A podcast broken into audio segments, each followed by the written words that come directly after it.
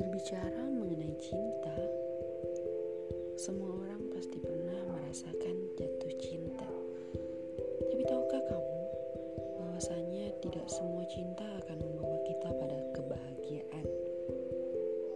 Ada saja sebuah perasaan yang membuat kita menjadi gundah, menjadi sedih